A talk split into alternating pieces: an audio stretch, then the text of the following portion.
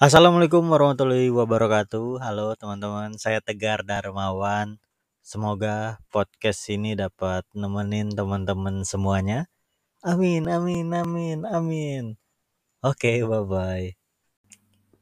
Kalian ada yang melihara kucing gak sih? Saya di rumah ini ada kucing, tapi sebenarnya nggak saya pelihara.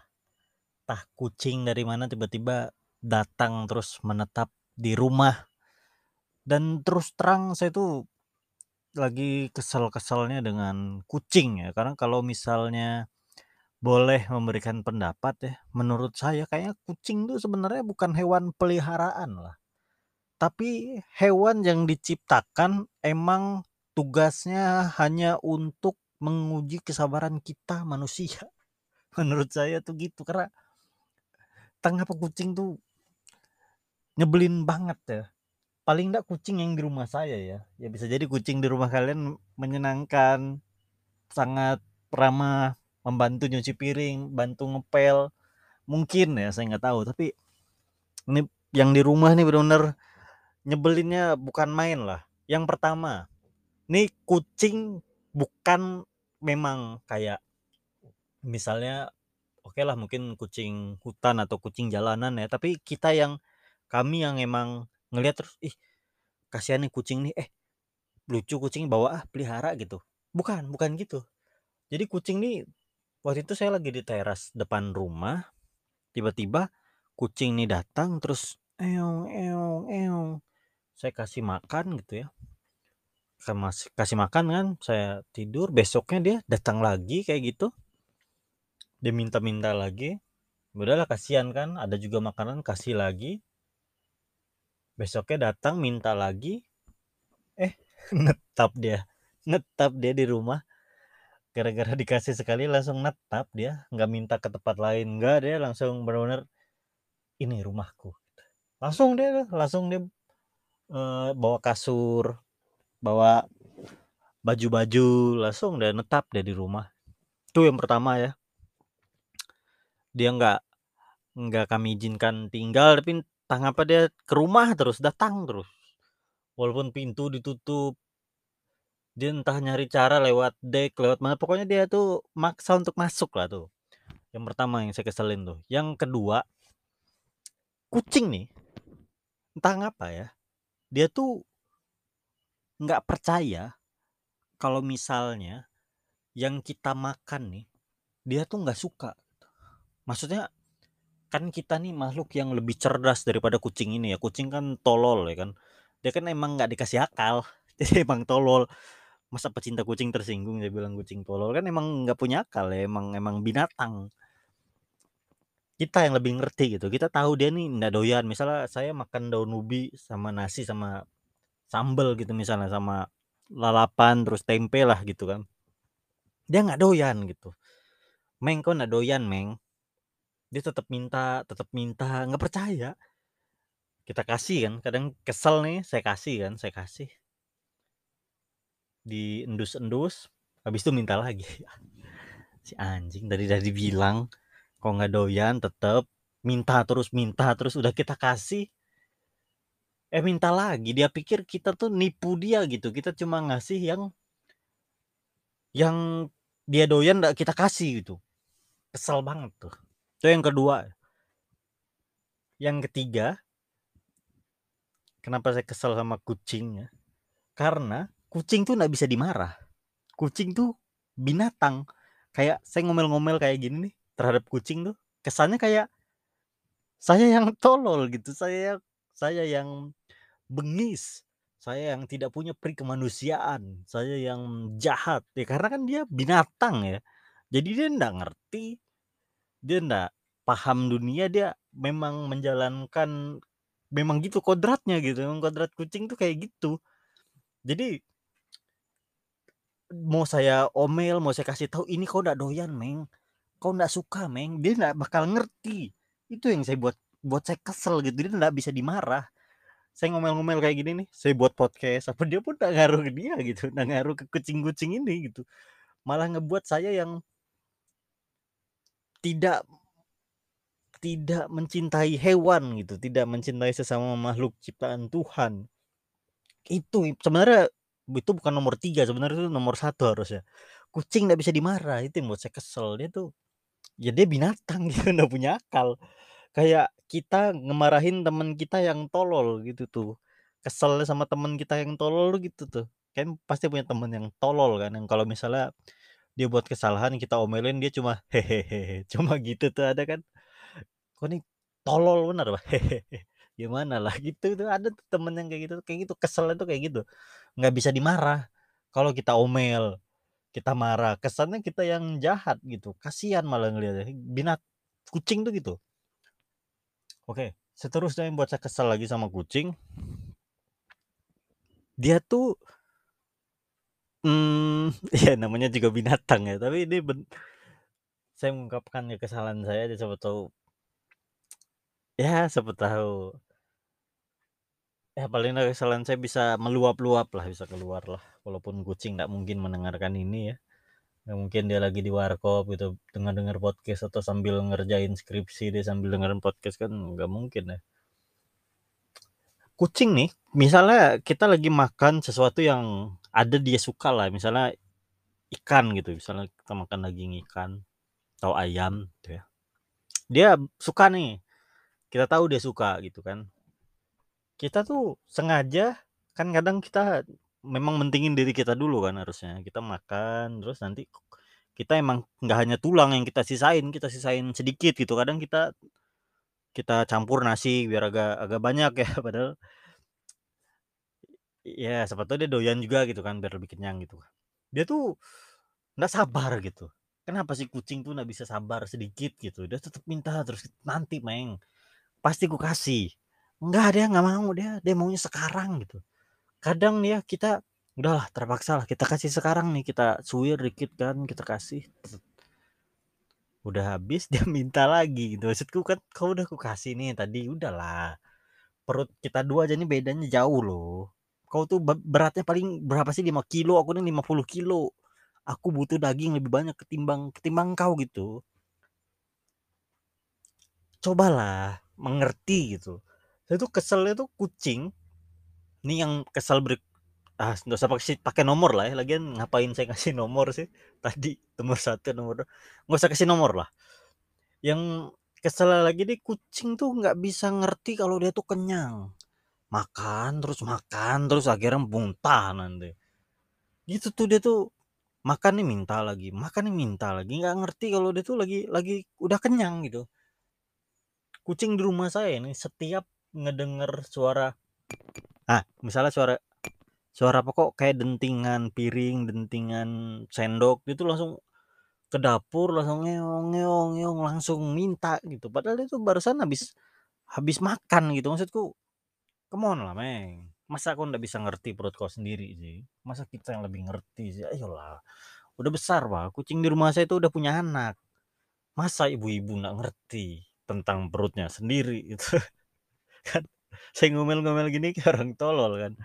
Marahin kucing, mana kucing bisa ngerti yang gitu, tapi emang itu perasaan saya mau gimana? Saya mau luapkan perasaan ini di mana lagi? Saya mau ngomong langsung face to face ke kucing lebih tolol. Ya jadi ya saya rekam ini aja lah, siapa tahu ah. Ya pokoknya ah ah. Apalagi ya yang buat saya kesal terhadap kucing ya. Nah, inilah yang paling kesel nih sebenarnya. Tainya. Kalian tahu ya tai kucing tahu? Tuh. Kucing tuh terutama kucing yang masih kecil loh. Masih bayi. Ini kan kucing yang di rumah saya ini kucing WNA lah ya, warga negara asing di rumah ini. Nggak punya visa, nggak punya apa dia tiba-tiba tinggal aja di sini dia tuh kucing tuh. Dia punya anak nih, baru ngelahirin. Awalnya 4 dia ngelahirin. Meninggal satu, satu tiga, nggak dikubur tuh. Tadi sholatin aja enggak kayaknya anaknya tuh. Tiga nih.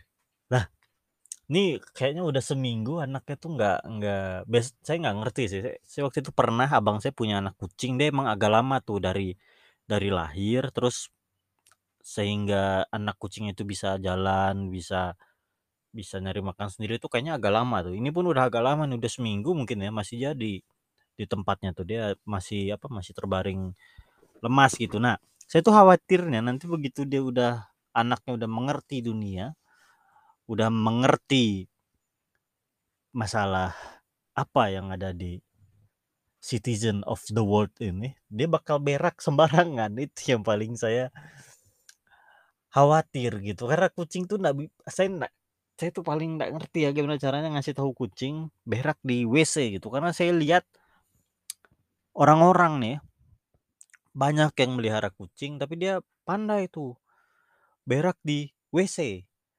Nah, dia awalnya tuh saya kagum tuh ngelihat ngelihat apa namanya?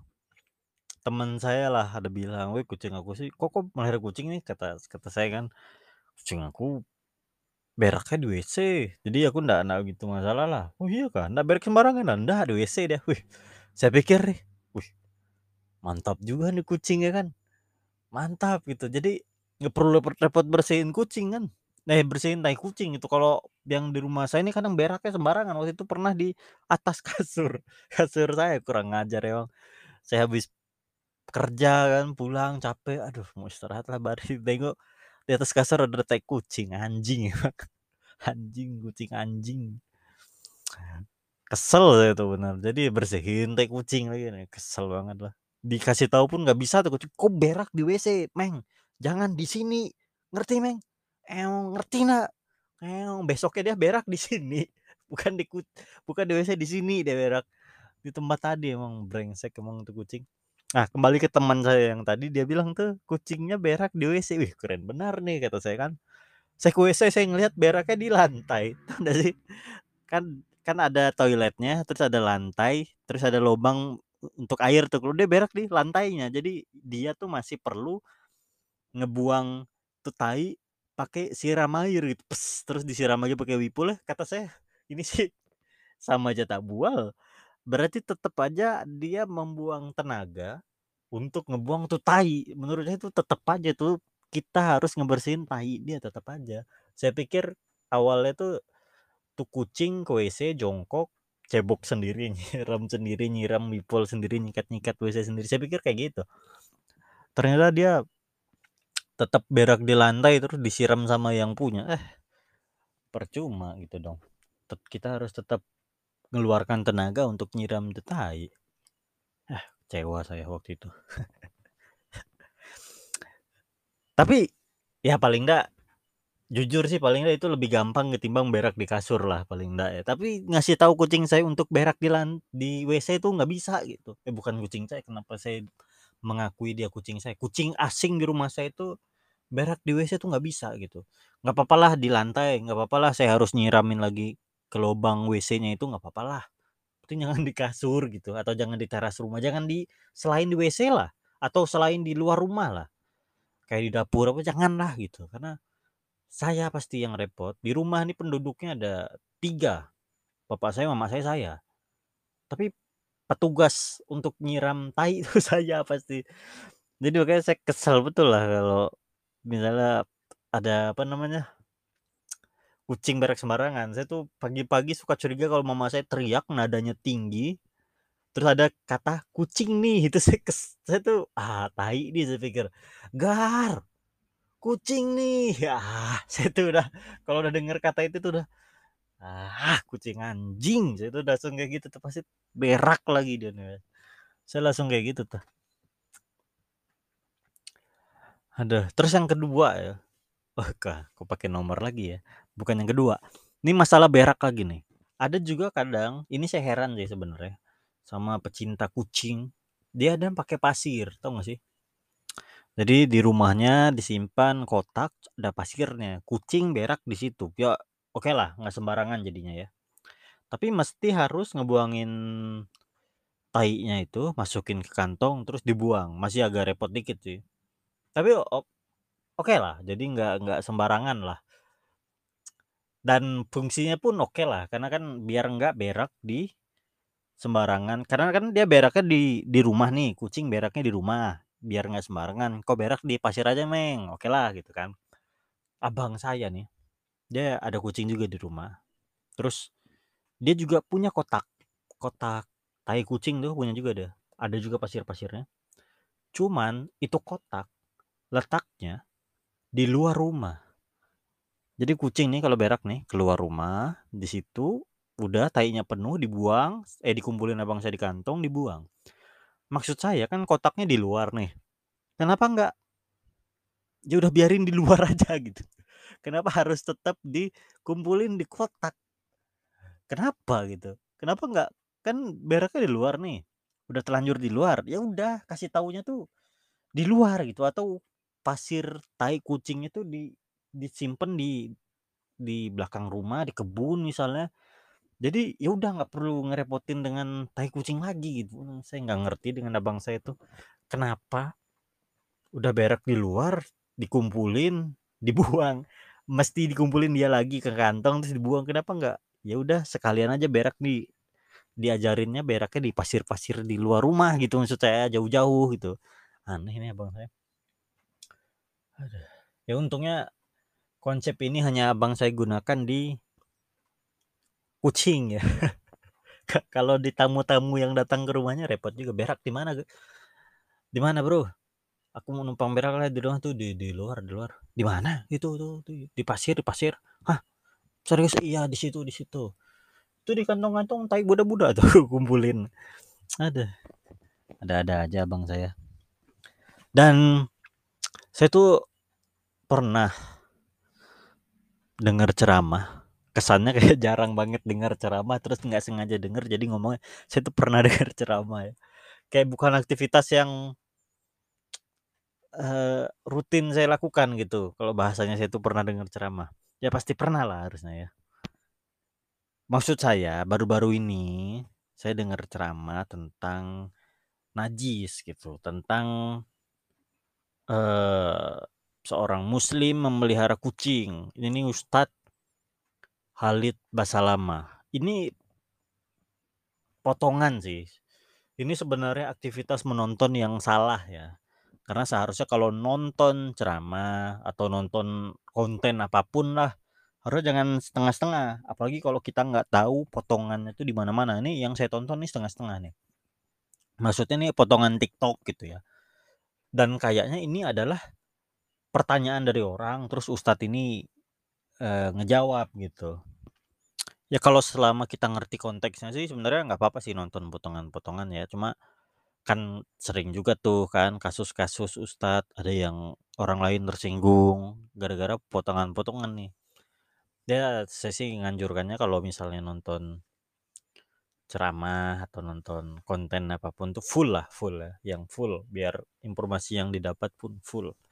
Oke, kembali ke yang tadi. Nah, Ustadz itu bilang dia ngasih saran. Kalau bisa sih sebaiknya jangan meliharaan melihara kucing lah dia bilang.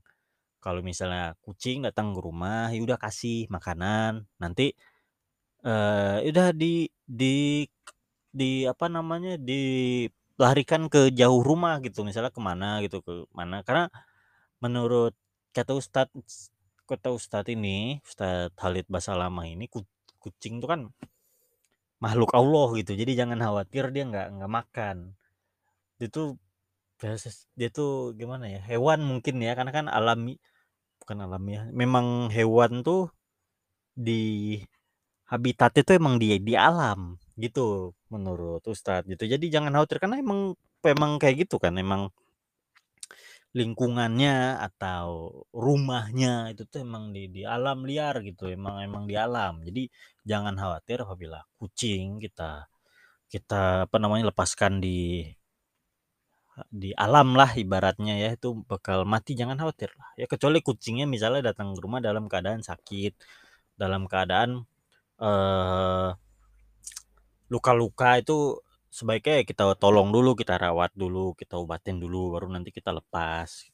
Dan menurut Ustadz Halid Basalama, karena kucing ini adalah hewan yang bertaring. Dan hewan yang bertaring, kotorannya, air kencingnya, taiknya, itu tuh najis dan kalau berada di rumah kita nggak tahu nih dia kayak kencing di mana berak di mana ataupun dia mungkin berak di pasir tapi kan bekas-bekasnya dia kan nggak cebok ya. Jadi tainya kan nempel di pantat. Dia kan pasti duduk tuh kan, duduknya pantatnya pula nempel ke porselen, ke lantai gitu kan. Ya walaupun kucing ngejilatin pantatnya, tapi kan tetep aja ada kemungkinan itu najisnya nempel-nempel, apalagi kalau kita sadar. Karena yang saya juga pernah ada juga ceramah ya kalau misalnya najis nih, kita kita ngelihat atau kira-kira kita tahu itu tuh najis itu maksudnya gini kalau takut salah lagi informasinya. Kata kata ustadz siapa ya? Kalau misalnya kita pakaian kotor nih, kadang kan orang kalau sholat, eh pakaianku kotor. Nanti kalau sholat ada najis. Ah, tapi kalau misalnya kita nggak ngelihat ada kotoran, misalnya kayak secara mata atau secara logika kayaknya emang nggak ada kotoran nih di baju atau di apa itu tuh kotor tanah pun nggak apa-apa gitu. Karena kita nggak ngelihat dia tuh ada ada tai misalnya atau ada sesuatu yang najis nah itu tuh nggak apa-apa. Tapi kalau misalnya kayak misalnya kucing dengan sadar kita ngelihat dia berak di situ ada bekas tainya di situ nah itu tuh najis gitu itu tuh najis. Nah kata Ustadz Halid Basalama kalau kotoran hewan bertaring juga najis jadi lebih baik jangan dipelihara lah. Nah saya tuh setuju dengan ini. Karena seperti yang kalian tahu kalau misalnya yang melihara kucing ya apalagi kucing yang jantan kucing jantan cara dia menandai wilayahnya adalah mengencingin sembarangan tempat yang menurut dia itu wilayahnya. Itu kucing jantan ketai emang tuh kucing jantan tuh. Saya tuh pernah tinggal di kafe ya ada kucing jantan. Saya waktu itu mau wudhu mau wudhu nih di belakang rumah di belakang kafe itulah. Wudhu kan saya wudhu ada kucing tuh tuh. Biasa kan kucing kalau datang dia suka nempel-nempel ke kaki tuh ngelus-ngelus ya kayak nempelin wajahnya ngelus-ngelus tubuhnya. Dia tuh gitu tuh dia nempel-nempelin wajah wajahnya ke kaki saya. Habis itu dia maju nggak lama kaki saya dikencingin dia dikencingin sama dia di agak-agak nonggeng dikit terus dikencingin sama kaki saya ini kaki saya ini dikencingin sama dia. Wilayah dia nih kaki saya ini dan kucing itu tuh setiap datang ke rumah setiap masuk ke tempat saya tinggal waktu itu tuh dia tuh kencingin setiap tembok yang ada di situ. Dikencingin dikencingin setiap tembok yang ada di situ itu kan najis ya berarti ya. Najis. Nah kata Ustadz Halid Basalama eh, justru kalau misalnya hewan peliharaan kayak saya nggak tahu hukum pastinya ya saya takut salah nih tapi ini yang saya ingat dari kata-kata beliau tuh begini kalau kayak eh tai ayam atau hewan-hewan peliharaan nah itu justru tidak najis justru mungkin najis atau enggak ya saya takut juga nih. Pokoknya tidak senajis mungkin najis tapi tidak tidak senajis kucing gitu. Tai-tai yang hewan yang bertaring gitu. Itu tidak. Jadi jadi anjuran saya ya teman-teman kalau mau melihara binatang-binatang jangan kucing ayam. Jadi kalau ada kucing di rumah suruh tidur di luar. Kalau mau ada hewan yang tidur di rumah ayam. Ayam tidur di rumah. Karena dia kalau berak kan najis. Nggak apa-apa. Dia berak sembarangan nggak apa-apa sholat masih bisa tuh. Masih bisa. Justru bagus tuh nanti kalau jam 4 ada alarm di rumah kokok petok gitu kan. Bagus justru. Bagus. Pokok itulah ya keluh kesah saya terhadap kucing. Banyak lah ya banyak. Saya justru juga dengar fakta ya bahwa hewan tuh yang lebih setia katanya itu anjing ketimbang kucing anjing tuh lebih lebih nurut ketimbang kucing. Kucing tuh arogan dia. Makanya saya ini sebenarnya agak-agak curiga ya. Kucing tuh sebenarnya namanya bukan kucing anjing. Yang namanya kucing tuh anjing. Ketukar tuh sebenarnya kedua kedua hewan itu ya namanya. Oke lah ya mungkin itu aja ya buat teman-teman yang melihara kucing ya. Meliharalah sebaik mungkin gitu maksud saya kalau emang nggak suka hewan atau emang tidak mau melihara ya lebih baik dibuang lah, jangan dibuang bahasanya, dikeluarin lah atau dikasih ke orang gitu. Karena saya juga kasihan kadang nengok binatang-binatang, ada tuh kadang orang-orang kayak gitu di rumahnya ada kucing, ada apa, tapi dia tidak diperlakukan dengan baik karena dia kesel gitu ya. Misalnya dipukul lah, dilempar lah, apalah segala macam gitu. Saya kalau emang nggak mau melihara, ya udah di dikasih ke orang aja gitu, jangan melihara lah ya, kasihan gitu. Oke mungkin gitu aja ya. Terima kasih dan tolong untuk kucing ya, perbaikilah sik perbaikilah sikap sikapmu ya, sikap sikap dirimu, sikap perbaiki gitu. Kau tuh numpang di rumah manusia, tolonglah ya. Oke, terima kasih. Assalamualaikum warahmatullahi wabarakatuh.